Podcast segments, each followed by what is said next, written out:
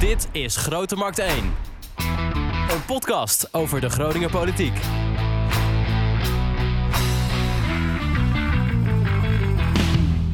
Welkom weer bij een nieuwe aflevering van Grote Markt 1. De podcast van Oog over de Groningse politiek. Ik ben Wouter Rolsappel en tegenover mij in het oogpand zit de onvolprezen politieke legende van Groningen, Echo van Oosterhout. Dag Wouter. Dag. Dag. We gaan vandaag even terugblikken op 2021. En dat doen we niet alleen. We hebben een zwaar geschud. Bij ons zitten de top van de Groningse politieke verslaggeving is aanwezig. Allereerst van de RTV Noord. Marten Nauta, welkom. Mooi, dank je. Het is alweer even geleden hè, dat je hier was in Ja. het oogpand. Ja, dat is eh, ik denk een jaartje of twee geleden. Vlak voor eh, corona, de laatste radio-uitzending hier op vrijdagavond gemaakt. En eh, ja, toen moesten we mee stoppen, begin 2020. Ja. En eh, tegenover jou zit eh, verslaggever van Dagblad van het Noorden, Johan de Veer. Ja, goeiedag. Hallo. Eh, ja, we gaan terugblikken op 2021. Misschien eerst even voor eh, onze gasten, als ik het, eh, jullie even aankijk. Wat is nou een beetje het verhaal van 2021 als het gaat over de Groningse politiek? Nou, ik moet wel ook wel denken aan, aan de zomer. Dat er heel veel studentenoverlast was. En tenminste, daar werd heel veel over gepraat. En, en alles kwam op tafel. De oorzaak. het, wat je eraan kon doen. Dat, dat springt me wel in het oog. Ik vond het een eh, hete zomer, ook door corona. En jij, eh, Marten? Volgens mij is het gewoon een rode draad die we dit jaar heel erg zijn gaan zien. Ehm, ehm, de, het inspraakverhaal hè, van inwoners in, eh, in- nou, belangrijke besluiten Ja. die in deze gemeente genomen worden. Daar gaan we het vast straks ook nog wel eventjes over hebben. Maar Ja, ik denk zeker, dat dat is ja. iets is wat echt heel erg naar de oppervlakte is gekomen in 2021. Dat toch heel veel mensen het gevoel hebben dat er, hoe hard ze ook schreeuwen en hoe goed ze ook hun best doen, ehm, dat er niet naar hun geluisterd wordt door het stadsbestuur. En eh, hebben jullie nou ook het idee dat je zeg maar, door corona op een andere manier eh, je werk moet doen? Ja, nou ja, vanuit huis hè, veel. Want de pers is niet altijd, eh, meer, eh, niet, niet altijd meer welkom op het eh, stadhuis. Dus of dan zit jij lekker met je laptopje op schoot op de bank een beetje een raadsvergadering of een commissievergadering te kijken. Nou ja, haal dat lekker maar weg. Het is niet, eh, ik vind het geen eh, vooruitgang in het, eh, in, het, in het politiek volgen. Nee, maar het, het, het valt me wel op dat je nog wel op heel veel plaatsen welkom bent hoor. ja. Dus als jij mensen wil interviewen of mensen willen jou spreken, dan ben je wel heel goed in staat om eh, dat ergens te doen. Ja. Dus ik heb niet het idee dat de contacten daar erg onder geleden hebben. Nee, maar, nou, maar vind ik toch wel hoor. Nee. Ook wel in, ja, in, de, in de wandelgangen, weet je. Je zit toch wel minder op dat stadhuis. Zeker ook de afgelopen tijd bij, bij vergaderingen. Dat je, dat je er niet bij kan zijn of dat je in een apart hok moet zitten. Je krijgt dingen toch wel anders mee. Ja, maar misschien is het juist wel goed om minder op het stadhuis te zijn. Misschien is het wel goed om, eh, ja, daar kom je toch mensen tegen, Johan. jawel, maar jij bedoelt meer de wijken in, in. een, Ja. in, En een de by, dorpen. Ja. in een by the way, eh, eh, op, op de gang lopend of eh, eh, naast elkaar staan in het eh urinoir, om het maar zo te zeggen. Ja. Dan ontstaan mooie gesprekken vaak hoor. ja, maar, ik ik vind het, ik vind het dat gemeentehuis dus niet zo. Ik vind het stadhuis geen, geen open. Ik vind dat het geen open karakter heeft. Maar ik denk wat jij- nog steeds door gesloten deuren heen. Dat was op het provinciehuis is dat heel anders. Maar wat jij misschien ook misschien wat meer bedoelt is van het nieuws ligt niet in de, in de raadzaal, maar op straat. Nou, dat, daar ben ik wel van overtuigd. Ja, Ja, daar heeft natuurlijk gelijk in. Dat is Want, want op, het, op het gemeentehuis eh, doen ze eigenlijk eh, niets anders dan datgene wat op straat gebeurt eh, eh, in een bepaald jasje gieten en op een bepaalde manier interpreteren. Zodanig dat jij denkt van eh, het valt allemaal wel een beetje mee. Dus, dus ik denk toch dat je primair op die straat moet zijn. En ik vind, als je terug, terugkijkt op het afgelopen jaar, het is een brave gemeenteraad die we hebben. ja. Ze zijn echt braaf. Ja, het dualisme, het dualisme Het, het is- dualisme, dat is toch iets wat, eh, wat, wat we niet zo heel erg zien. Eigenlijk is uh, DIFTA het laatste geweest hè, waar, het Ja, echt, heeft- ja. eh, waar we dat echt hebben gezien. En dat was in 2020. Dus Ja. dat is meer dan een jaar geleden. Ja, en dan, laten we zeggen, is eigenlijk gebruikelijk dat aan het eind van een periode van een gemeenteraad, dat ze wat opstandig worden en dat ze zichzelf weer wat willen profileren. En dat zie je op dit moment totaal niet. Nou kijk, wat je ziet is dat raadsleden die in de wat ze noemen meningsvormende vergaderingen eh, nog wel eens even stevig eh, kunnen en willen uithalen. Ja. Dat, dat, eh, dat die eigenlijk verworden tot makke schapen in, in de uiteindelijke raadsvergadering waar het besluit genomen wordt. Ja, dat Dan is er de- helemaal niets meer van over. Nee, je hebt het dus over de nieuwe werkwijze van de raad. Hè, dus vroeger hadden we raadscommissies en de gemeenteraad. Nu heb je dus eh opinierende vergaderingen, meningsvormende vergaderingen en besluitvormende vergaderingen. Nou, Ik weet het niet, maar eh, de burger heeft het in ieder geval niet goed begrepen. Nou, even ingaan op wat uh, Marten zei hè, over inspraak en zo. Dus in die, in die vergaderingen die jij net noemt, die meningsvormende, daar komen ook, uh, daarvoor komen ook nog burgers aan het woord. En die kunnen echt het gevoel hebben van ze begrijpen waar wij het over hebben. Hmm. Maar op het moment dat het besluit wordt genomen, dan herkennen ze diezelfde raadsleden waar ze mee gesproken hebben, die herkennen ze helemaal niet meer. Nee. Ik heb mensen na die vergadering van Skevenhuizen, de plek waar de mensen moeten wonen die uh, psychisch uh, niet helemaal in orde zijn en, en dakloos. Na die raadsvergadering stonden mensen huilend in de gang. Ja. Omdat ze dachten van ja, ze, ze voelden helemaal niet dat, dat, dat die raadsleden, dat dat degene waren waar ze lange tijd mee hadden gesproken. Ja, nou dat onderwerp hadden we ook op de agenda staan. Dan kunnen we misschien meteen al even luisteren naar een uh, kleine compilatie daarvan. Aanvankelijk dachten we, laten we nou allemaal deelnemen aan wat, uh, zo heet het althans, de participatiegroep. Dus we dachten, op die manier kunnen we meedenken en samen kijken hoe we kunnen nou, kijken dat het zowel voor ons prettig is als voor de gemeente. Maar dat bleek eigenlijk achteraf een soort fars. Ik snap heel goed de boosheid. Ik snap uh, de angst die wellicht niet altijd terecht is, maar wel zo heel erg kan voelen bij de bewoners. En die heb ik ook letterlijk toen ik met hen in de zaal zat ook gevoeld. En hebben ze ook zeker op ons als college ook overgebracht. En ik denk wel dat wij al voor een voldoende feit komen te staan. Maar ik zou er niet raar van opkijken als ze vandaag morgen hier gaan beginnen te graven en voorzieningen aan stroom en uh, riolering aan gaan leggen voor deze mensen. Maar uh, we laten het er niet bij zitten. Nee, ja, wij pikken het niet. Nee, gaan, we gaan met elkaar... Dan maken we er een rechtszaak van of wat dan ook. Die gaat door tot het einde aan toe. Ik goede de kop niet in het zand, absoluut niet. Nee. En de hele buurt niet. We zijn zo kwaad als een vermeld. Ja, simpel zaad. Ja.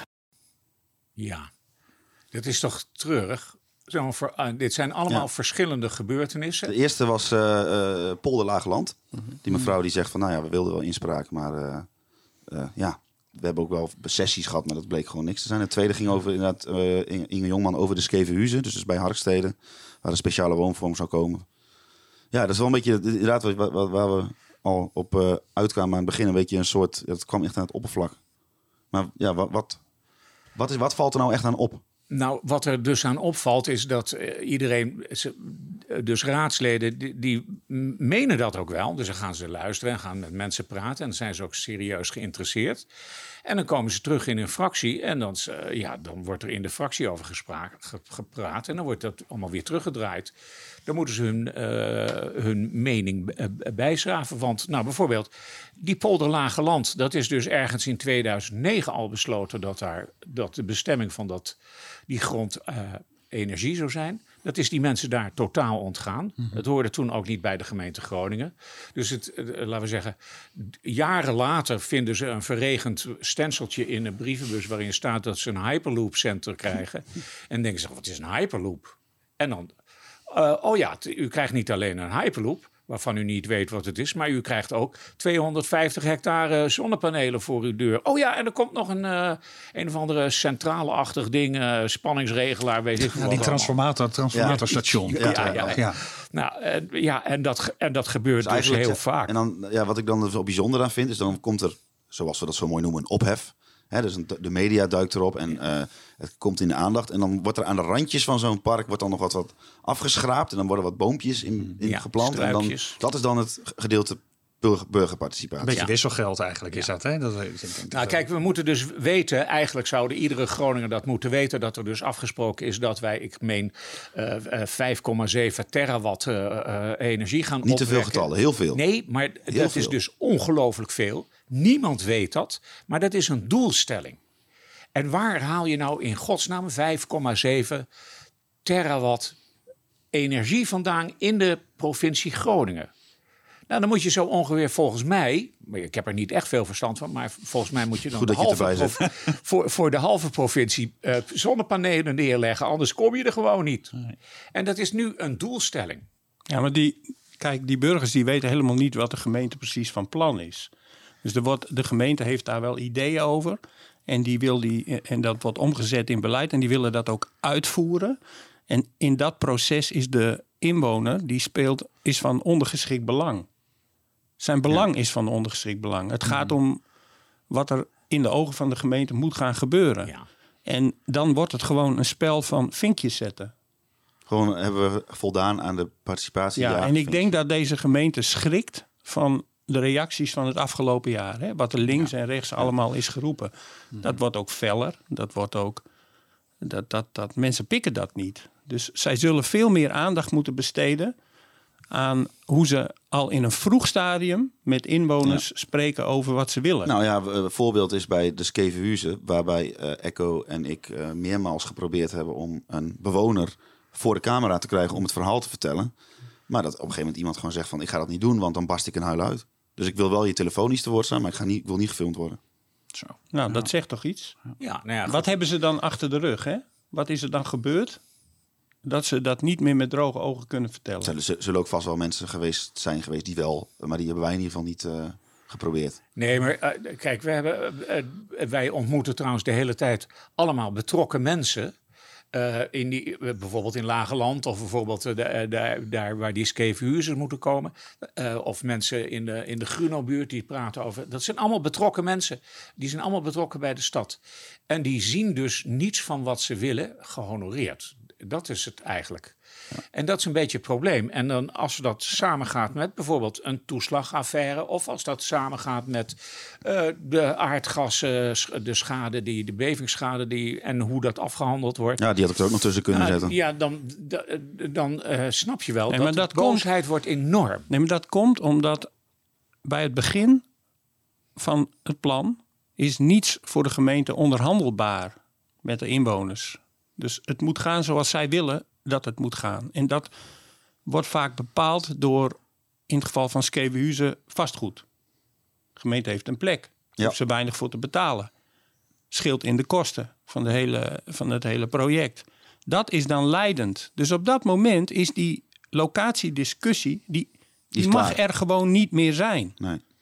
Dan kun je Nou. hooguit nog over bepaalde details aan het eind van, het, Ja. eh, van de regel Ja, praten. daar maak je mensen natuurlijk wel gek mee. Ja, als je dan kijkt, hè, dus er wordt eerst onderzoek door, door eh, Bussemaker, eh, Jet Bussemaker gedaan naar het vertrouwen in de politiek.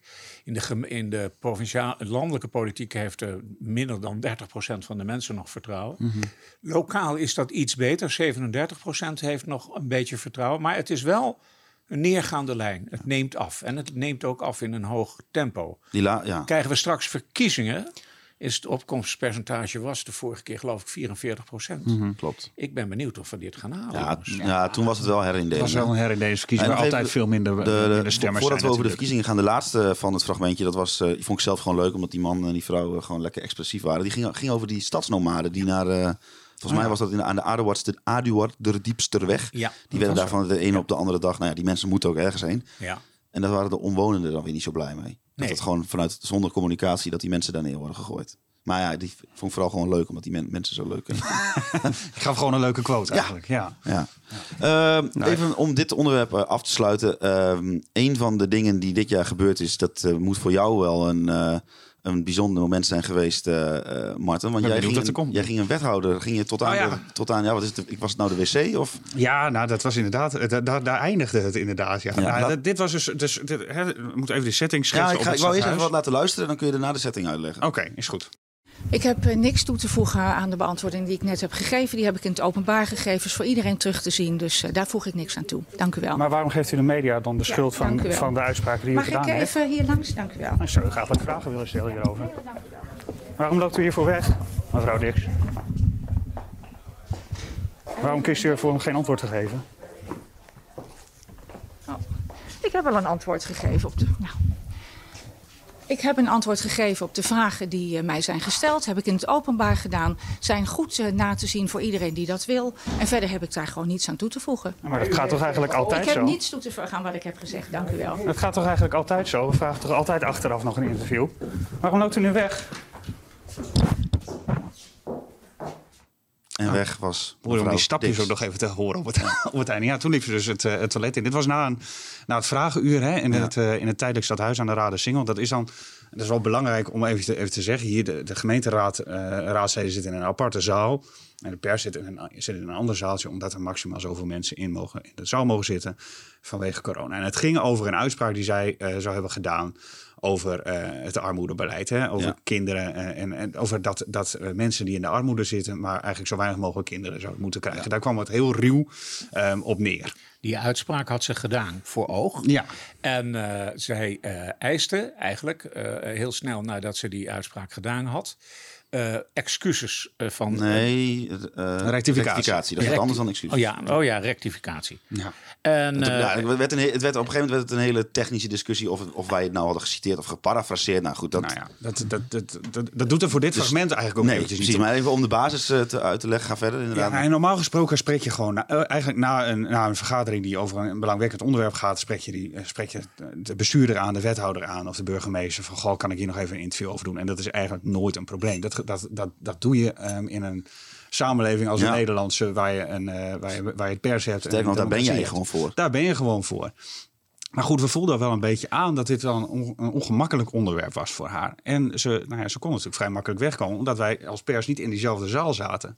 Dus gingen wij draaien de camera daarop af en Echo stond eh, eh, naast ons met de, de camera van oog. En ik ben haar bij, eh, bij de uitgang direct gaan interviewen, niet verwachtend. Ehm, dat ze, eh, dat ze zo'n antwoord zou geven. Daar gewoon totaal voor weg zou lopen. Ik heb het gezegd, zegt ze eigenlijk. Het staat op band, want ik heb het in die gemeenteraadsvergadering gezegd. En daar blijft het bij. Doei. Nou ja. Terwijl, en dan kunnen we het, eh, het, het onderwerp Iris Benedicts misschien nog even wat groter aan. Dat is echt niet de slechtste wethouder in deze gemeente. Helemaal niet. Dat is best wel een. Nou, daar, zij staat wel ergens voor. Maar zij heeft zich hier zo in een hoek laten duwen ehm, op dit onderwerp. Dat, toont haar toch echt haar, haar, haar Achilleshiel. Nee, maar ik denk, ik denk dat zij dit zelf achteraf ook ontzettend dom vond. Ja. Johan, zichzelf. dan moet ik je toch corrigeren. Oh. Eh, Nou. ja, dat, eh, de- want kijk, een ezel stoot zich in het algemeen niet twee keer aan dezelfde steen, hè, zeggen wij dan. Zei mijn vader althans altijd. Maar eh, niet zo heel lang geleden eh, eh, was er een, iets bij Martini-zorg. Het ging over 1,3 Ah, ja. miljoen euro. En dat geld was, ja, dat, dat was... daar waren allerlei geldstromen geweest. Er was, waren dingen gedeclareerd die niet juist waren. En er was een, inspe- een rapport van de inspectie verschenen... oh, die zich grote zorgen maakte over hoe dat allemaal ging bij eh, Martini Zorg. En eh, eh, zij had een brief geschreven aan de raad over Martini Zorg. En ik zit met haar te praten tijdens zo'n bijeenkomst. En eh, dus zij ligt dat toe. Ik zeg, dan gaan wij zo direct nog even verder praten. En zij knikt ja. En ik, na afloop van die persconferentie sta ik op en loop naar mijn cameraman toe. En ik zie achter mij dezezelfde mevrouw Dix, eh, die gewoon de zaal uitloopt en mij dus geen antwoord gaat geven op de vragen die, ja. ik heb, die ik heb te stellen.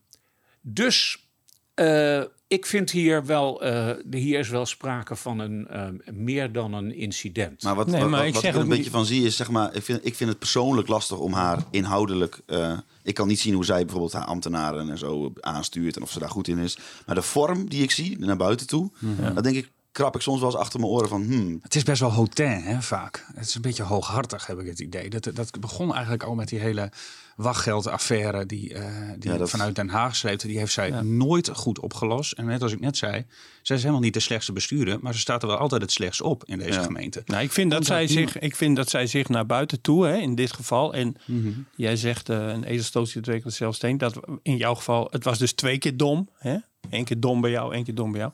Maar eh, ik denk eerlijk gezegd dat ze daar wat onhandig in is. Maar ik zie wel hele goede dingen in haar beleid. Mhm. En Ja. ik ben geneigd om haar daarop af te rekenen, op haar beleid. ja, nee, maar daarom probeer ik... En ook- die vorm, hè, dat, dat, dat vind ik, het is, je kunt het heel irritant noemen, maar ik vind het eerder onhandig. Ja, maar ja, dat- daarom probeer ik ook die scheiding aan te... Ik, Nou maar het werkt haar ook ik, tegen. Ik, eigenlijk, ik vind eigenlijk dit.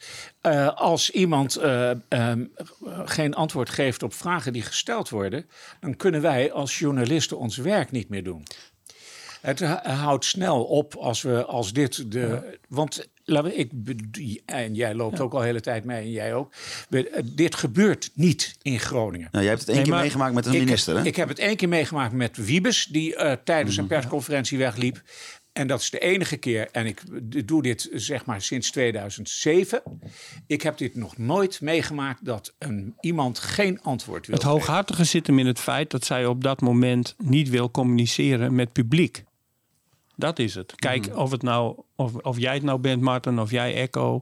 Het gaat niet om de man achter de microfoon. Nee, het gaat erom of jij wil communiceren met je publiek. En Ja. als zij dat niet doet, dan gaat zij de fout in. Maar eh, kijk, ik, ik denk dan van...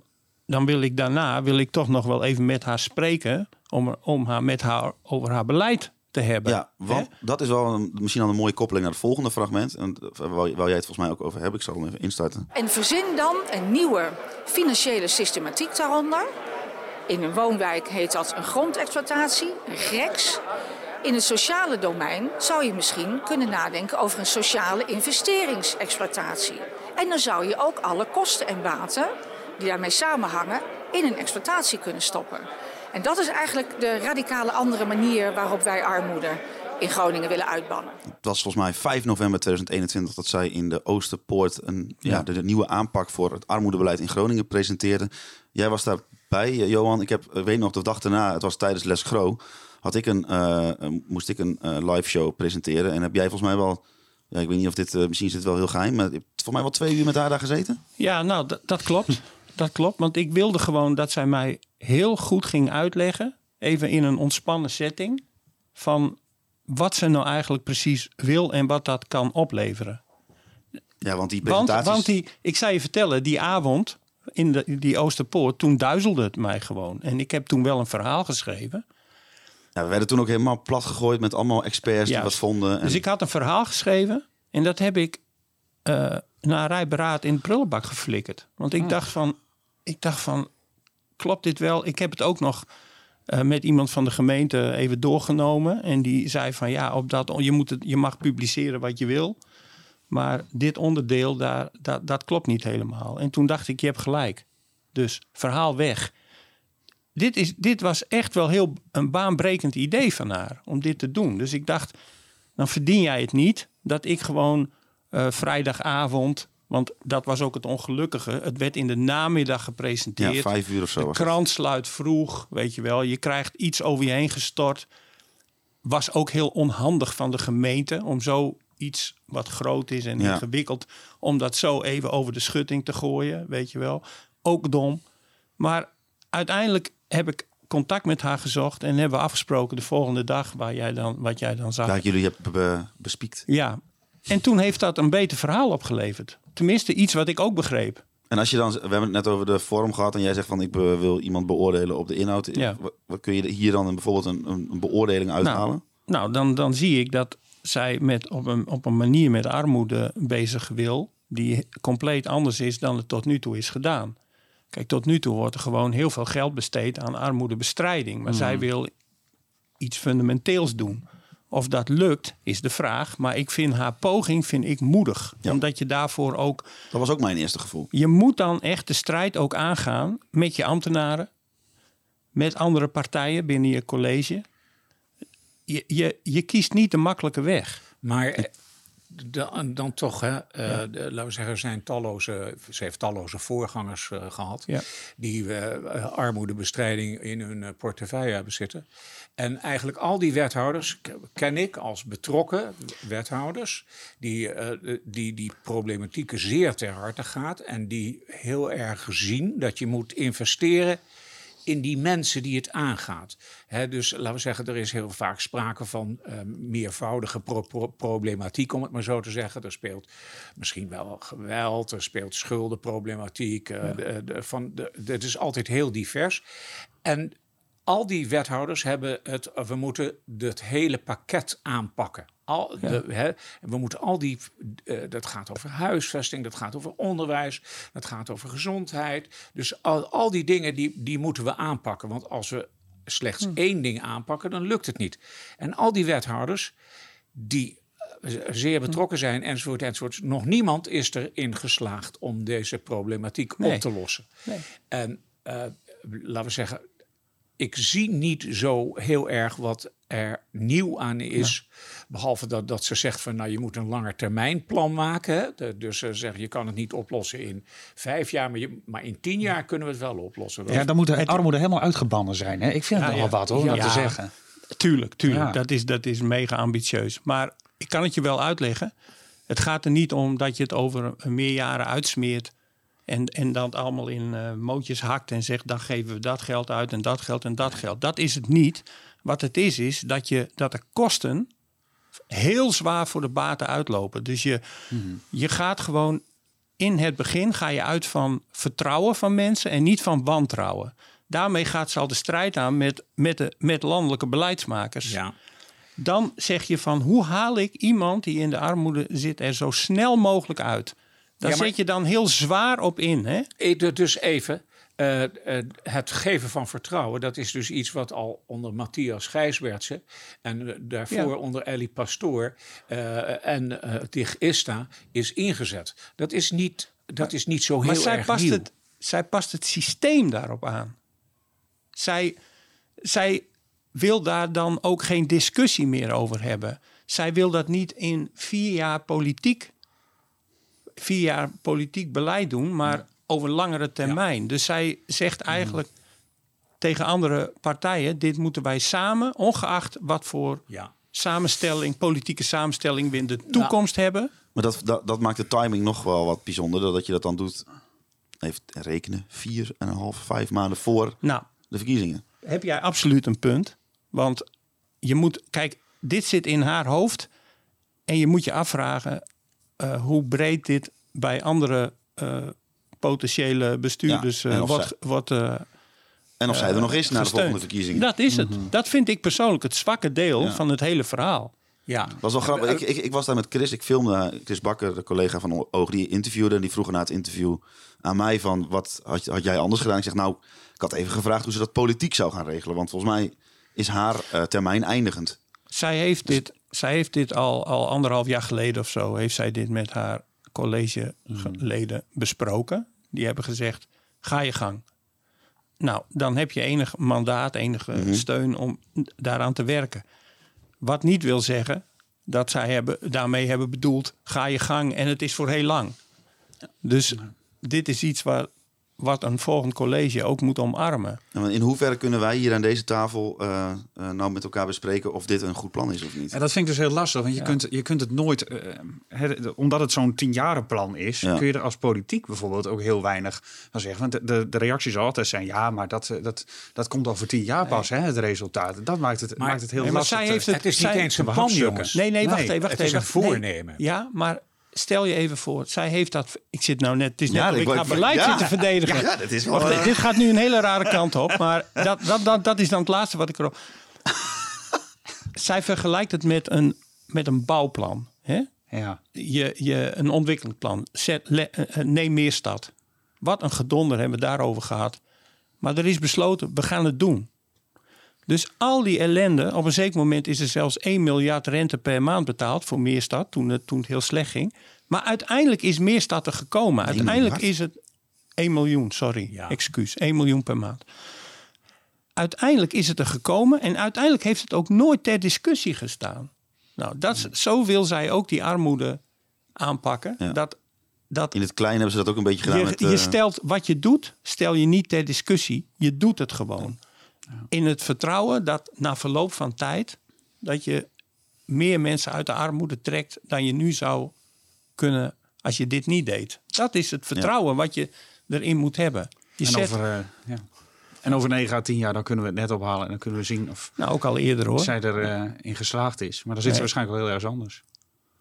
Ja, dat zou kunnen, maar, maar goed, iemand moet een zaadje leggen. Ja. Hè? Dus, dus als het niet wordt omarmd, dan is het weg. Nou eh, ik vind het dus ook heel lastig om eh, in te schatten. Ten eerste heb ik helemaal geen verstand van de materie, hoe je armoede moet aanpakken. En ten tweede, ja, weet ik veel. Ik, kan niet, ik, ik ken het plan niet helemaal. Maar wat ik, wat, het, gevoel wat ik, er- het gevoel wat ik er wel bij kreeg was van... het is niet iets wat, wat, ze, wat, wat je in het begin van een collegeperiode afspreekt. En na vier jaar is het klaar en dan zien we wel. Het is, nu, het is wel echt... Ja. Ze durft te breken met die vierjaarscyclus, met dit Juist. plan. En dat gedeelte ervan denk ik wel van... Oké, nou, dat, dat, dat, dat, dat, wat het plan dan ook is is, ook de dat gedeelte bevalt mij wel. Ja. Ja. Ehm, jij had ook nog een, eh, een, een onderwerp eh, aan mij aangevraagd, eh eh, Martin. Ik zal hem weer, alweer even iets in. Want we moeten natuurlijk heel erg voorzichtig zijn dat we niet de privacy van mensen aantasten. Door die camera's bijvoorbeeld op onnodige tijden aan te zetten. Of om dingen te observeren die ons helemaal niet aangaan als overheid. Dat je zorgen wilt voor de veiligheid van onze inwoners. dat behoeft ook bescherming. En we zien eigenlijk een wisselend patroon. Dat heeft zich in korte tijd heel erg veranderd. Dus we moeten als politie niet in de achteruitkijkspiegel kijken, maar we moeten juist vooruit Ja, je noemde dat eh, de, de camera fetish. de camera fetish, inderdaad. Ja, ja, dat is een beetje zwaar aangezet. Overigens, mooi detail dat Schuiling, burgemeester Schuiling horen we hier, eh, hier privacy zegt. Ja. In plaats van privacy. Dus een beetje de, een beetje de Britse Ja. tongval die hij... Hij heeft een beetje- Ik vind dat wel ch- chic hoor. Ja, hij heeft ook een beetje Britse humor, wordt altijd gezegd. Ja, ja, Misschien ja. heeft hij wel stiekem Ja. iets met... Misschien eh, dat hij stiekem wel Brits had willen zijn. Nou, dat zou best kunnen. Gaan we een keer aan hem vragen. Wat vind jij zo opvallend aan, dit, eh, dit, aan, aan, die, aan dat cameraverhaal? Nou, dit is nog niet lang geleden. Hè. Dat, eh, kijk, eh, Schuiling roept eigenlijk al anderhalf jaar ehm, in, in gemeenteraadsvergaderingen en ook daarbuiten steeds, steeds meer dat er echt wat moet worden gedaan aan het cameratoezicht in de stad Groningen. Ehm, en hij krijgt consequent eigenlijk nul op request van de gemeenteraad. Die, die, die houdt hem hier ongelooflijk in tegen. Het mag een, een, een klein wonder heten dat er in de Volkingsstraat een paar camera's zijn neergezet. Omdat daar echt eh, flinke drugsoverlast eh, was en, eh, en, en, en momenteel iets minder is. Ehm, maar goed, hij wil vanwege die demonstraties, daar heeft hij natuurlijk helemaal gelijk in. Dus de maatschappij is wel veranderd in de afgelopen twee jaar door, door corona, maar ook door bijvoorbeeld de boeren, ehm, eh, Black Lives Matter. De Ja. maatschappij is veel vocaler geworden en ook veel meer geneigd om te gaan demonstreren. En daar Ja, hoort wel eh, hij- wat hij- bij. Hij zegt dan ook, eh, ze kunnen heel snel met elkaar communiceren via allerlei groepen en Ja. eh, via social media enzovoort enzovoort. Eh, eh, met de traditionele middelen kunnen wij daar niet meer op anticiperen. Nee, dat is inderdaad eh, wat hij zegt. Ook wel een kleine sneer, denk ik, van hem richting de social media. Want volgens mij heeft hij helemaal niks met, eh, met die, eh, die wereldwijde ontwikkeling. Maar goed, dat terzijde. Het, het is wel heel opvallend. En waarom Nee, ik het... Dat is ook echt wel een cowboywereld hoor, die social media. Ik bedoel, Zeker, Die ja. telegramgroepen die schieten als paddenstoelen uit de grond. Ja. Ik heb er in een paar gezeten, maar dan... Ja, en daar worden niet alleen maar nette dingen in gezegd. Nee. Absoluut niet. Maar het opvallende hieraan is, en ik zie dat Johan ook wel wil zeggen, is dat Nee. die gemeenteraad hem zo wil, wil eh, zo tegenhoudt. Hè. Er is hier laatst nog een vergadering over geweest. Had Schuiling een week eerder had groots aangekondigd dat hij toch echt een plan had om meer camera's op te gaan hangen in de binnenstad die niet constant aan zijn, die alleen op- aan worden gezet op momenten dat het echt nodig is. En nog moet hij een week later het plan alweer terugtrekken, omdat niemand er, of bijna niemand eraan wil. En dat is, ja, begint een beetje een rode draad te worden in zijn burgemeesterscarrière hier. Hij heeft dat eerder gehad en met het Noorderplan Soen sloeg hij bijvoorbeeld ook eh, hard op de trom in de zomer van 2020. Dat moest alcoholvrij worden, moest stil worden. Ook daar heeft de gemeenteraad aan de rem eh, getrokken. En je ziet eigenlijk, zijn, zijn, hij is natuurlijk de eerste VVD-burgemeester van eh, Groningen. Je ziet toch wel die achtergrond, dat law and order gedeelte wat er bij hem toch in zit. Wat, ja, waar de gemeenteraad echt niet aan wil. Vind ik opvallend. Ik vind het ook opvallend dat hij zo, het zover laat komen. Dat hij eigenlijk publiekelijk ehm, een plan moet terugtrekken. Omdat ehm, partijen als GroenLinks, D66, maar ook de ChristenUnie en ook de SP hier eh, niet zoveel in zien. Ik ben het helemaal met, eh, met Martin Ik eens. kan me wel nog een ander eh, law and order ding van hem herinneren. Ik weet eigenlijk niet eens of dat dit jaar was of vorig jaar. Dat, hij, eh, dat je dus niet meer mocht demonstreren voor die abortuskliniek. Oh ja, dat is. eh, Is dat dit jaar? Dat was eerder dit jaar volgens mij Ja. inderdaad. Ja. Ja. Dat, dat was, eh, dat, maar dat pakt hij dan heel minutieus aan. Ja. Dus dan worden alle wetten en regels worden erbij gepakt. En Ja. dan, verzint hij precies zo dat je niet op de weg mag staan. Dus als je wil demonstreren, Als jurist dan moet je, ook, hè? dan Dus, moet je in de blubber gaan staan aan de Ja. overkant. Ja, nou, dat gebeurt nu ook. Ja, Nou, ja, ik- dat- ik- weet je, ik denk dat Zie je dat toch wel eens? Nou ja, we zien dat, we, ja, dat, er, dat er iemand staat. en Maar ze kunnen niet meer. klein. Je, kunt, je kan ze eh, niet meer bij de jas grijpen. Het is overigens één meneer. Ja. Die heel hard schreeuwt, toch? Die, die heel hard Ja. schreeuwt. En, eh, en het, dus die ene meneer schreeuwt heel hard. En eh, de, meer is het niet, hè? Dus het is niet zoveel.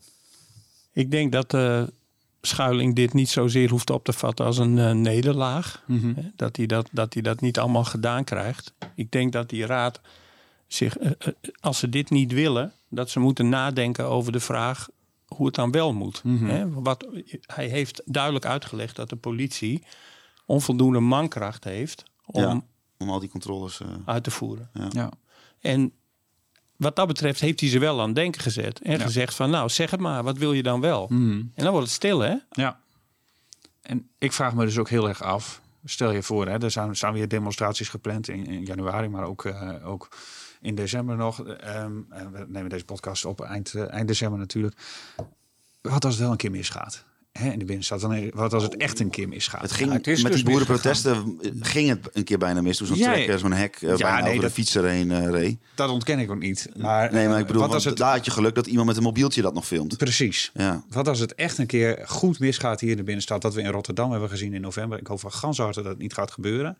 Maar dan sta je als gemeenteraad ook wel een beetje in je hemd. Omdat je niks hebt gewild. Maar zou het ook zo kunnen zijn dat het een beetje... Want alle demonstraties in het land die een beetje uit de hand zijn gelopen... Nou, dan werd aangekondigd dat het in Groningen was. Ik weet niet, voor mij heb jij ook wel een keer met mij op de Grote Markt gestaan... bij, bij de avondklok. Mhm. En dan kwamen de drie man kwamen om het hoekje kijken... en dan eh, ging iedereen weer naar huis, want er was niemand. Dus misschien dat, ze de, dat het wel een beetje zo'n sfeertje hangt van... in Groningen gebeurt dat niet. Nee, maar ja, totdat het wel gebeurt. Ja. En dan sta je, eh, sta je echt in je hemd als gemeenteraad. Ja, het is recentelijk toch misgegaan. Ja. Ja, zeker. Ja, toen was ik in eh, Amerika. Dus. Ja, dat Nee, was de- dat, ja. die follow-up van Rotterdam eigenlijk. Ja, hè? ja. Toen het in Rotterdam heel erg misging, ging het hier ook mis. Maar wel op kleinere ja. schaal. Ja, maar wel die ene zaak, die, is de, toen, eh, die eh, juwelier is toen helemaal Ja, kapot zeker. geslagen. Ja, dat is eh, verschrikkelijk. Maar in, in omvang was het wel een stuk minder Ja. groot dan in Rotterdam. Nee, maar ik, kijk, wij, wij rukken natuurlijk uit als het misgaat. En wij filmen die kapotte bushokjes. Ja. En eh, wij roepen O en A en ach en B. Maar ik denk dat de politie, openbaar ministerie en de gemeente... als het gaat om veiligheid... dat ze heel goed nadenken van wat hebben wij nou eigenlijk gezien. En wat je dan ziet is dat in, in Groningen... eigenlijk dat soort demonstraties eh, heel erg worden gedomineerd... door wat je met een gerust hart meelopers kan noemen. Dus dat zijn mensen die zich hebben laten ophitsen. Hè? Ja. En met die mensen moet je wat. En ik denk dat als je die. Nou, ik, ik weet niet of ik dit kan zeggen zo, maar ik denk als je die op een camera ziet. Ja. En Groningen is eigenlijk een groot dorp, dus iedereen kent elkaar. Dat, er, eh, dat zij thuis bezocht kunnen Precies, want je hoeft ze nog niet eens in een gevangenis Dus dat, te gooien. dat, maar je daar, dat je daar mensen van wij Groningen, de buurtwerkers, de wijkagent op afstuurt en zegt van hé hey joh, jij bent daar gezien op die Nou, camera. Hij wil dus met name die camera, hij, de kortdurend cameratoezicht noemt hij dat.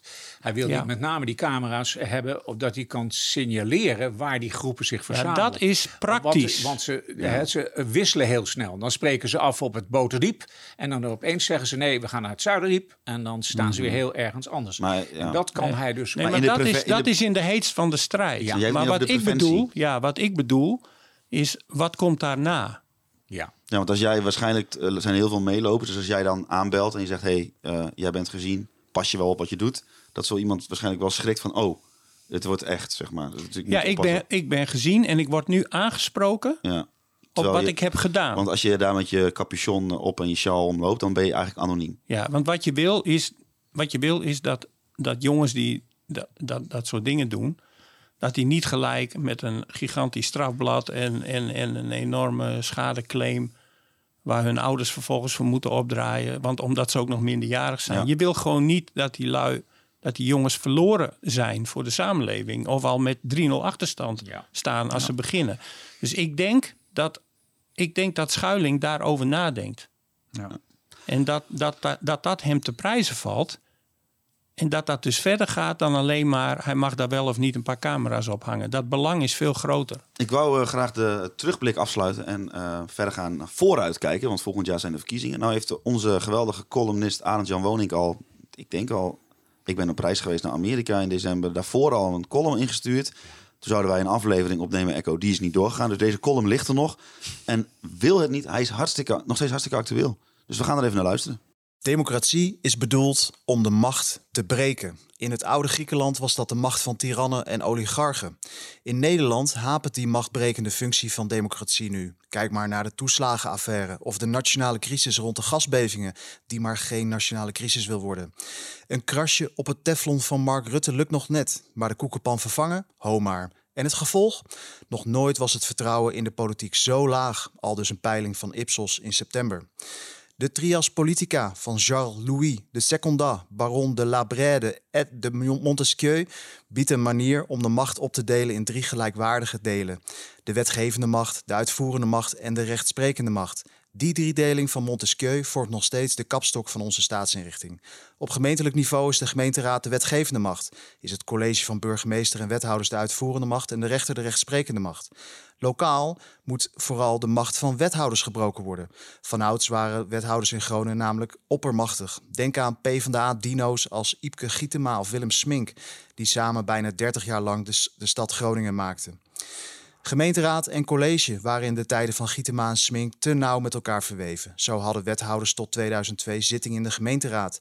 De wetgevende en de uitvoerende macht waren één pot nat. De macht werd niet gebroken, maar gepamperd en gestut. In 2002 werd daarom een nieuwe wet van kracht, de wet Dualisering Gemeentebestuur. De wet probeerde vooral de scheiding tussen de rol van de gemeenteraad en de rol van het college weer scherp te maken.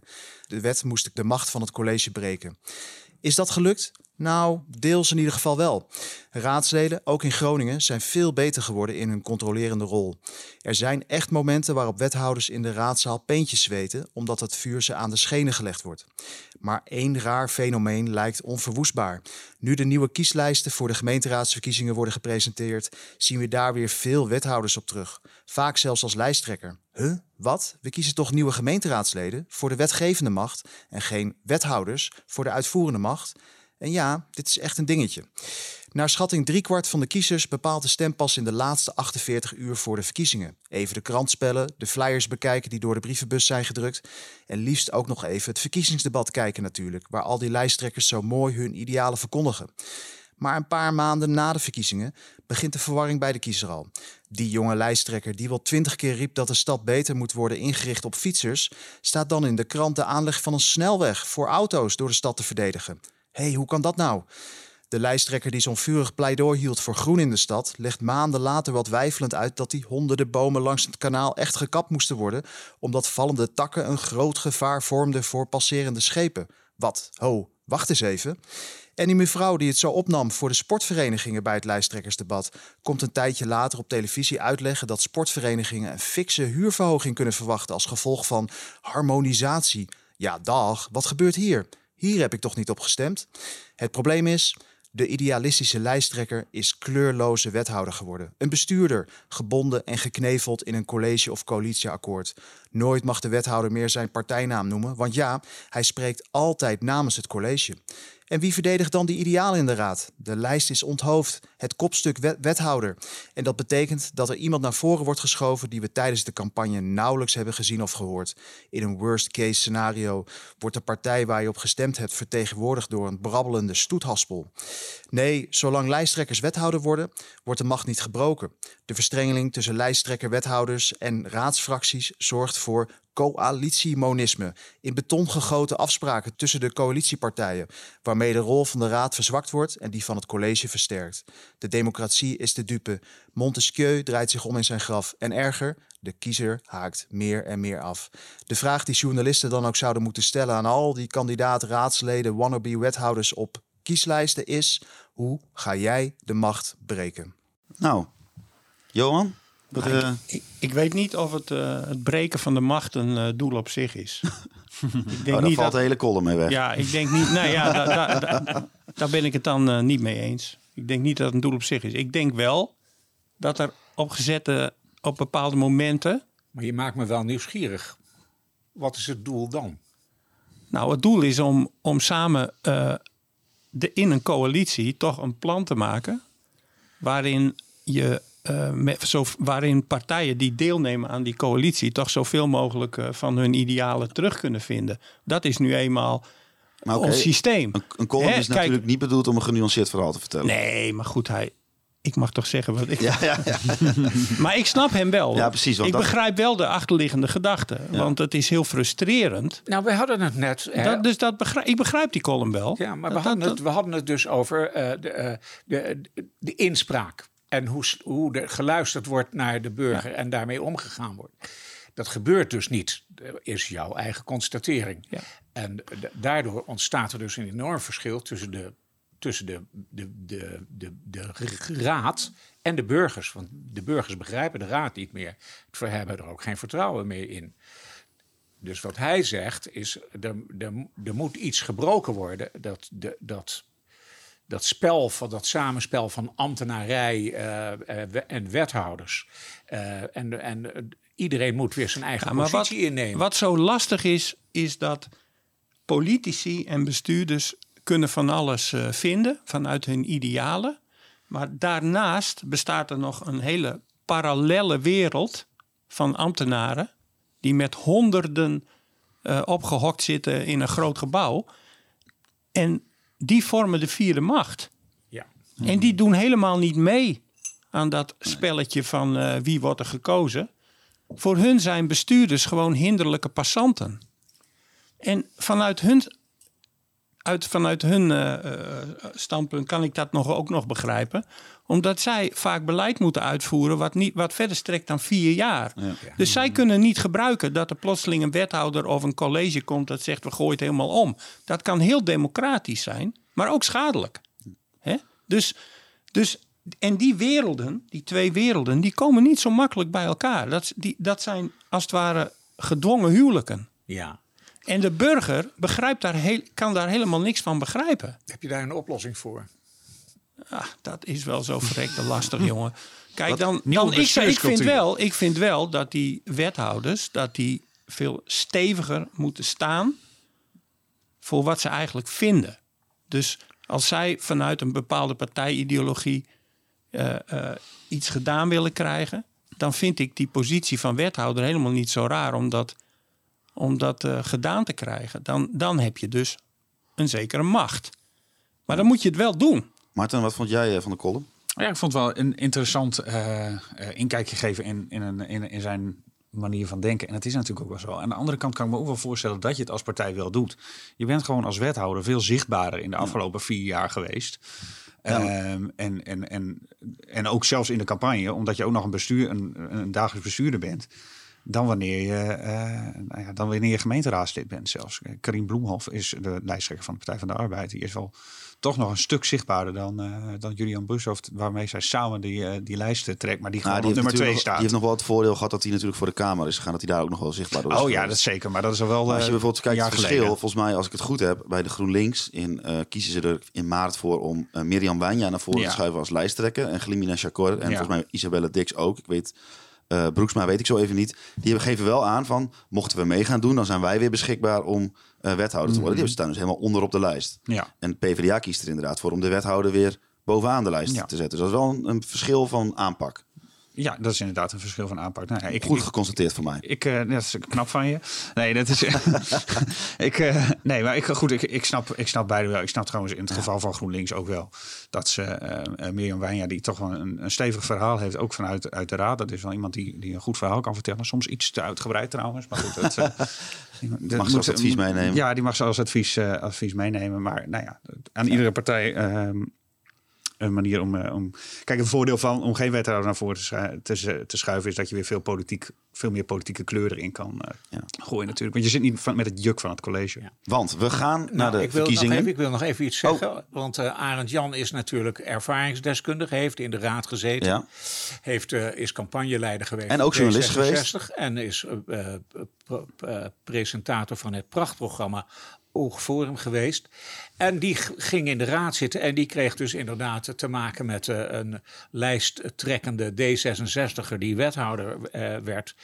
Ehm, ja, eh, hij, hij, hij, daar heeft hij die blik op die manier wel zo ontwikkeld. Ja. Dit is ook een beetje een, toch wel een tikje op de. Nou ja, een column is altijd wel bedoeld om... Weet je, eh, Soms, soms worden bestuurders, hè, die worden gewoon aangetrokken als klussenboer. Hè? Dus dan, dan weet je, er is een... eh, nou, dat kan armoedebestrijding zijn of Ja. iets anders. Hè? Ja. En dan is dat gewoon even jouw taak. Dus dan word jij niet ingehuurd om ideologisch bevlogen te zijn... maar om dat uit te voeren, omdat dat voor die stad belangrijk is. Hè?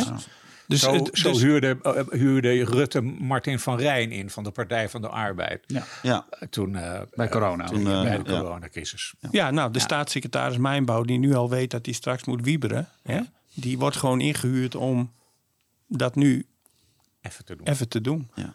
Maar goed, eh, eh, de, de aanleiding van de column is misschien ook een beetje de verkiezingen die eraan komen. En eh, het is mij gelukt om een compilatie te maken van alle elf partijen die wij tot nu toe hebben gesproken over die aankomende verkiezingen. Ik vind het ontzettend leuk en ik ben ontzettend blij om met Karine op één en mijzelf op twee eh, de lijsten aan te mogen voeren voor de Partij van de Arbeid. Wat voor mij het CDA is, is dat je juist om, omziet naar elkaar. Het zij en zij, het niet de ikke, ikke, ikke. Dus we vinden dat de gemeente eh, dingen mogelijk moet maken, eh, geen dingen moet belemmeren. Eh, en om die menselijke maat daarin toch wel leidend te laten zijn, zonder dat het in het hele grote geheel wegvalt. We zijn gewoon een zelfstandige partij. Eigen leden, eigen bestuur, eigen gezicht. Eigen ideeën. Ik weet niet of de kans heel groot is dat 11 weer lukt. Uh, maar de grootste worden, dat moet zeker kunnen. En wij denken dus dat we zuiniger moeten zijn op uh, wat er uh, met de natuur gebeurt. Zuiniger met onze cultuur en zuiniger met de factuur. Een voorbeeld is natuurlijk de natuur op de suikerzijde. En dat daardoor heel veel dieren ontheemd raken. En dat vinden wij geen goede zaak. Uh, dus wij gaan de komende tijd in onze campagne echt in buurten en wijken bijeenkomsten organiseren. Buiten, natuurlijk coronaproof, om ervoor te zorgen dat mensen echt naar de stembus gaan. En om ervoor te zorgen dat Groningen menselijker en socialer wordt. We gaan natuurlijk sowieso met typische D66-onderwerpen aan de slag. Ik denk uh, kansengelijkheid, goed onderwijs, uh, vergroening. Ik denk dat het rond 10 zetels worden. En die laatste was natuurlijk Chris Garrit, oud-nachtburgemeester, voor de, die nu op de lijst staat bij de Stadspartij. Allereerst even een vraag aan jullie. Vinden jullie dat ik van alle mensen die ik gesproken heb... echt het uh, kenmerkende van de partij een beetje erin heb? Want dat was ja, mijn doel eigenlijk. Ik hoorde Inge Jongman wel weer iets verbindends zeggen. Menselijke maat was ja, dat? Ja, menselijke maat. En, uh, en Kirsten de Vrede van de Partij voor de Dieren. Ja. Eigenlijk, eigenlijk zeggen ze allemaal dingen waar je niet op tegen kan zijn. nee, dus, dat is vaak zo met verkiezingen. Dat, dat, dat, is een beetje het probleem. Dus eigenlijk zou je misschien, dus, een, misschien zou dit één grote partij kunnen worden... en met een zakenkabinet en dan Groningen uh, vooruitstoten in de vaart der volkeren... Ja, ja. zonder al te veel gelul eromheen. Ja. Ik bedoel, nou... maak hier een programma van en je bent klaar. Mis ik nou maar... de PVV hier nog even in of uh, ben ik uh, uh, ja, even dood geweest? Ik probeer contact te krijgen en te vragen of, of ze überhaupt meedoen. En dan krijg ik als reactie dat, dat, dat daar nog geen mededeling over Volgens mij zag ik ze laatst wel op het lijstje van Geert Wilders staan. Die twitterde zo'n lijstje. Oh, oké. Ja, nou ja, dus, goed. maar goed, dat er even benoemd. Maar het, het, is een, het is een typisch verkiezingenprobleem. Dat vind ik namelijk. Want de, dan krijgen we allemaal programma's, 30 pagina's of 35 pagina's. In ons geval van misschien wel 11, 12, 13, 14 partijen. En iedereen is voor goed onderwijs. Is echt verbazingwekkend. Dat zijn allemaal voor goed onderwijs. Schone straten vinden ze ook. Veiligheid vinden ze ook. Vinden ze ook heel belangrijk. Woningbouw vinden ze ook heel belangrijk. En het milieu vinden ze ook heel belangrijk. Nou, vinden ze namelijk allemaal. Nee, maar wat, wat interessant nou, is. Niet allemaal. Nee, bijna, goed. Het, bijna in, in, de PVV vindt het milieu niet belangrijk. Maar de, voor de rest vinden ze het allemaal belangrijk. Ja. Dus. Uh, dus dat zegt niet zoveel. Nee, Die hele verkiezingsprogramma's zeggen. Even voor de, Kijk, wat... deze, deze stad heeft, heeft gewoon ook een financieel probleem. Hè? Zoveel geld is ja. er niet.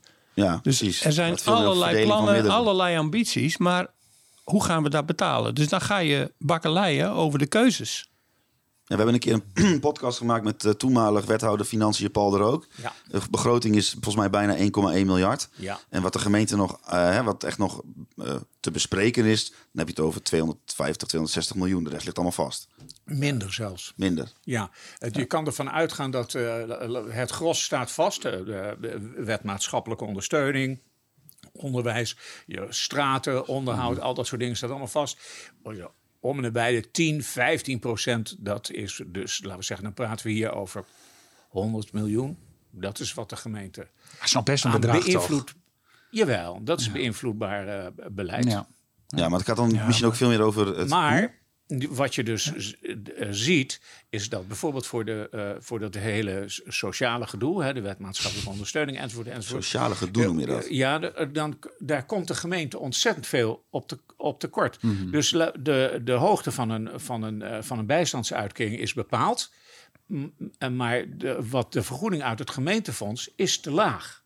Dus je levert per definitie in op, de, op die sociale driehoek, zeg maar. Daar lever je als gemeente ontzettend veel op in. En op onderwijs lever je ook in. Je levert op allerlei punten lever je in. Dus maar er wat, blijft wat, zo weinig over. Maar maak even de koppeling weer naar de aankomende verkiezingen. Wat zegt dat dan? Uh, mijn stelling is dat je partijen moet beoordelen op hun gedrag in de afgelopen vier jaar. Nou, misschien moeten partijen ook eerlijk zijn over de vraag van wat kunnen we niet? En waar gaan we ons geld niet aan besteden? Mm -hmm. Wat dan uiteindelijk inhoudt dat je iets niet, iets niet doet wat een andere partij wel graag wil. Als je daar transparant over bent, dat is ook interessant. Dan moeten we daar, het, daar dan ook niet over gaan hebben. Wat kunnen we hier wel? Ik, we hebben het net al over cameratoezicht gehad. Dat lijkt ja. me nou echt, echt een, een goed onderwerp ja. om eens over te hebben in die verkiezingstijd. Ik denk ook trouwens namelijk dat het... Dat is mijn verwachting hoor. Ik heb hier geen onderzoek naar gedaan. Maar ik denk dat de, de verhouding die in de gemeenteraad hierop zit... wat anders is dan uh, dat er in de stad over gedacht wordt. Verwacht ik. Ja. Verwacht ik echt. DIFTA is bijvoorbeeld ook een goed onderwerp. Verschillen Ja. ook echt. Hè, dat is het, het afvalsysteem waar in de afgelopen eh, raadsperiode al over gebakken is. En waar nog steeds weer een onderzoek naar loopt. Dus dat gaat weer terugkomen. Wat willen partijen daarop? Daar moet je je juist op profileren. En inderdaad, inderdaad niet op, we willen goed onderwijs. Want dat wil inderdaad, als je dat niet wil, dan is het nieuws. Maar, eh, eh, de, een van de vragen die ik, de meesten die ik geïnterviewd heb over, hè, dat was meer een aankondiging van we gaan meedoen, dit is onze lijsttrekker, Ja. is van wat voor rol zie je voor jezelf om mensen überhaupt weer naar die stembus eh, te krijgen? Want dat Mhm. is nog wel een dingetje. Kijk, we hebben het er al over de vorige verkiezingen, was een herindelingsverkiezing. Die zijn over het algemeen worden die minder goed eh, eh, bezocht. Een verkiezing bezoek je niet, maar er wordt minder gestemd. Ja. Nu is dat weer een gewone met al iedereen tegelijk. Maar ja, hoe. Die mensen die, we- die weten dat zelf eigenlijk ook denk ik niet zo goed. Ja, we gaan de straat op en we gaan aan de langs de deuren. Maar dat is denk ik wel het begin. Mensen moeten weer gaan stemmen hier. Ja. Maar zoiets fix je niet vlak voor de verkiezingen. Nee. hè? Nee. Daar Dat is een werk stukje je, vertrouwen daar- dat is een stukje vertrouwen. Daar werk je 4, 8, 12 jaar aan. Ja, dus dat is niet iets wat nu even. En dat, dat, dat, dan heb je het over democratische vernieuwing. Wat, wat kun je uit de kast halen om mensen te betrekken bij wat je in het begin eigenlijk tot stand wil brengen? Waar je aan, hè, in plaats van dat er plotseling een pak papier van 80 pagina's ligt van zo gaan we het doen. Dat, dat, kan, dat kan niet meer in deze tijd. Nee. En er zijn veel. ik, ik, vrees dus, ik vrees dus een lage opkomst. Als ik dan toch maar een voorspelling ga doen. Ik, ik denk dat mensen zich eh, een beetje teleurgesteld afwenden van de, van de politiek. En dat vind ik eigenlijk wel heel jammer. Vergeet niet dat we over twee maanden, eh, want dan gaat die verkiezingscampagne echt lopen, Ja. echt wel weer in een andere situatie Qua zitten. corona ook bedoel je? Qua corona, dat is een hele belangrijk, want we mogen dan hoop ik, Hopelijk. weer veel meer. En ik denk het ook trouwens. Ehm, we hebben dan een kabinet. Want we weten nu wel een beetje wat de plannen zijn. Ja. Maar we hebben dan een kabinet waarvan veel duidelijker is Die daadwerkelijk gaan beginnen met plannen uitvoeren. nou ja, wat er daadwerkelijk gaat gebeuren. En dat is bijvoorbeeld voor een partij als D66, die in deze stad eh, natuurlijk heel groot eh, eh, kan zijn, omdat het een progressieve stad is, een hele belangrijke. Winnen ze daarop, dan winnen ze hier de verkiezingen. Verliezen ze daarop, dan, want- gaat, dan gaat GroenLinks het gewoon ik wil niet, niks afdoen aan de vorige- prestatie van GroenLinks. Maar Ja. de vorige keer dat GroenLinks hier dus de, de winnende partij was, stond Jesse Klaver met zijn GroenLinks Ja. behoorlijk hoog in de landelijke aandacht en Ja, met, die, met die opgestroopte eh mouwen en, en zijn overhemd en zijn Ke- Kennedy eh, appearance, zeg maar. eh, heeft hij heel veel mensen naar zich toegetrokken. En zeker de- studenten. En, nu is de vraag, eh, wat heeft hij daarvan waargemaakt? Ja, ik denk dat het voor eh, bijvoorbeeld een partij als Volt, die eh, gaan dus niet meedoen. Daar is nogal wat eh gezeik over geweest. Eh, intern ook. Het schijnt nogal een, een, een bouwrol te zijn. Eh, die had hier denk ik echt makkelijk drie, vier, vijf zetels kunnen Oh, makkelijk, tuurlijk. En die En die hadden doen gewoon D66 en GroenLinks moeilijk gemaakt. En die doen gewoon niet mee. Nee. Ja, maar die hebben natuurlijk logischerwijs wel de inschatting gemaakt van als we meedoen, gaan Ja. we dan ook iets, gaan we, dan, gaan we dat dan ook doen met goede mensen? Ja, En, want dat- eh, en die vraag hebben zij vervolgens met nee beantwoord. nou En dat- ja, dat heeft dat- het landelijke bestuur heeft dat ja, gedaan. Ja. ja. nou oké, maar dat vind ik wel getuigen van, eh van eh goede... Inzicht. Ja, Ja, het was volgens mij, als ik het, ik moet het niet helemaal, wat bijvoorbeeld journalist Chris Alberts, die volgt al die lo- lokale fractietjes, volgt hij altijd en al die splinterpartijen. Het was zo dat ze eh, volgens mij mensen afhaakten van de lijst en dat ze toen binnen een dag of binnen een paar dagen in één keer weer met nieuwe namen op de proppen kwamen. En dat de landelijke bestuur toen zei van ja, hallo, eh, dit gaan we niet nou, je hebt het toch gezien met Forum voor Democratie in de provincie, wat voor een geweldige puinhoop dat is geworden. Ja. Daar, daar, daar is een kwak mensen in, eh, in Van der Valk in Hoogkerk gaan zitten. En daar is wat uitgekomen. En binnen no time lag de hele handel weer uit elkaar. Dus Ja. Dat, is de, dat, dat sterkt het vertrouwen ook niet. nee. Maar eh, hebben jullie een beetje zin in die campagne richting de verkiezingen? Dat is altijd leuk. Daar, zit, daar borrelt dat, dat borrelt toch Tuurlijk. een beetje bij, Ja, bij, bij mensen zeker. die. Ja, het Tuurlijk. borrelt Laten we maar beginnen. Ja. Nee, Ja. dat is echt dat is heel erg leuk. En wat voor rol zien we dan? eh, gaan we even, wat voor rol zien we voor onszelf dan eh, eh, in richting die verkiezingen? Moeten wij ook iets anders doen of beter doen om mensen weer zeggen van heel uh, voel je Nou, het is wel, ik vind het wel een kunst om ze een beetje uit die praatjesmakerij te halen. Zeg maar. Ik Om, om, een beetje, om een beetje het soortelijk gewicht van zo'n, van zo'n potentieel raadslid, om daar even wat van te vinden. Hè? Heb je er werkelijk over nagedacht of papegaai je nu je lijsttrekker na? Ja, en, dat- en dan gaat het weer over al die goede voornemens. Niemand, ja. ja, en dus dat moet je dan in het, ja, en dat moet je dan wel, wat ze dan allemaal roepen, dat moet je dan even in het perspectief plaatsen van waar we ons nu met de gemeente Groningen bevinden. Ja. Hè? Wij moeten, wij moeten eh, die, die lui eh, kritisch eh, benaderen. Dat vind ik Ja. echt. Ja. Als je ziet wat, wat raadsleden beloven, zeg maar, in een verkiezingsperiode. En wat ze daar achteraf, dan, eh, dan snap ik wel, dat is allemaal een kwestie van compromis, compromis. Maar het, het, het, het, het zit soms wel heel erg ver naast hun eigen doelstellingen. Nou, misschien moeten we daar dan ook naar kijken van hè, wat is er vier jaar geleden beloofd, zowel Ja. in verkiezingsprogramma's als in het coalitieakkoord. En wat is daarvan eigenlijk eh, waarheid geworden? Nou, bijvoorbeeld GroenLinks wou eh, eh, veel nieuwe bomen. Hè? Ja, Ik nou, heb dat- ergens wel eh, eh, eh, als kritiek gehoord dat er een, een nieuw woud is ontstaan van gele verkeersborden erop met zwarte letters. En dat is het nieuwe woud wat GroenLinks gerealiseerd zou hebben. Ik weet niet of het echt waar is, maar dat Er was- komen bomen op de grote markt. Ja. Ja, dat hebben ze toch wel mooi geregeld. Vind Maar het moet nog wel gebeuren. En dat is een beetje het Goed, lastige is- van is- GroenLinks De campagnes zijn eigenlijk nog niet begonnen, dus het is ook nog een beetje koffiedik kijken. Laten we het gewoon even heel plat en zonder enige vorm van inhoud afsluiten. Echo, wie wordt tijdens de verkiezingen van 16 maart de grootste? Ik durf het nog niet te zeggen, want ik, ik, voel, ik voel voor het idee van Onderbuik. Marten d- dat, eh, dat eh, als er een, een welsprekende, aansprekende type opstaat, kan dat zomaar gebeuren. Maar ik zie het, ik zie het nog niet. Ik zie nog niet, eh, eh, ik, en ik kijk goed om me heen, ik zie nog niet een heel erg aansprekend eh, figuur die hier het voortouw gaat nemen. Nee, maar ik vroeg om gewoon een platte voorspelling. Hupsakee partij. Dat kan je niet voor me vragen. Nou ja, Nou, ik denk in ieder geval dat het heel dicht bij elkaar gaat zitten. Ik vraag me af of in deze tijd er één Jongens, jullie- partij weet je- uitspringt. Weet je, wel- weet je jullie verkloten mijn voorspelling. Ik kan, ik, kan, ik, kan, ik, ik kan wel zeggen, Groningen was ooit het rode noorden. Ja, en, dat is ik denk voorbij. dat, en ik denk dat dat over is. Dat, dat durf ik wel te zeggen. Noem een naam. Nee. Martin? D66. Johan? Nou, ik, ik denk toch misschien toch, als ze het in de campagne het, het onderwerp wonen heel goed eh, naar voren laten komen, dan denk ik dat de Partij van de Arbeid toch misschien wel een kansje maakt. Maar dan niet met een als een eclatante overwinning of zo, maar wel Ja, alles dicht bij elkaar. alles dicht bij elkaar. Ja, Ik zeg dat, eh, dat eh, GroenLinks de grootste wordt. Nou, daar zijn we er. We zijn rond. We gaan het komende jaar gaan we het eh, volgen, de komende drie maanden vooral. Martin, bedankt dat je hier eh, weer op je oude nest... eh voelde vertrouwd, hè, Mooi. Johan, jij ook bedankt. Jo, graag gedaan. Echo, eh, jij ook bedankt. En jij ook, Wouter. Nou, dankjewel.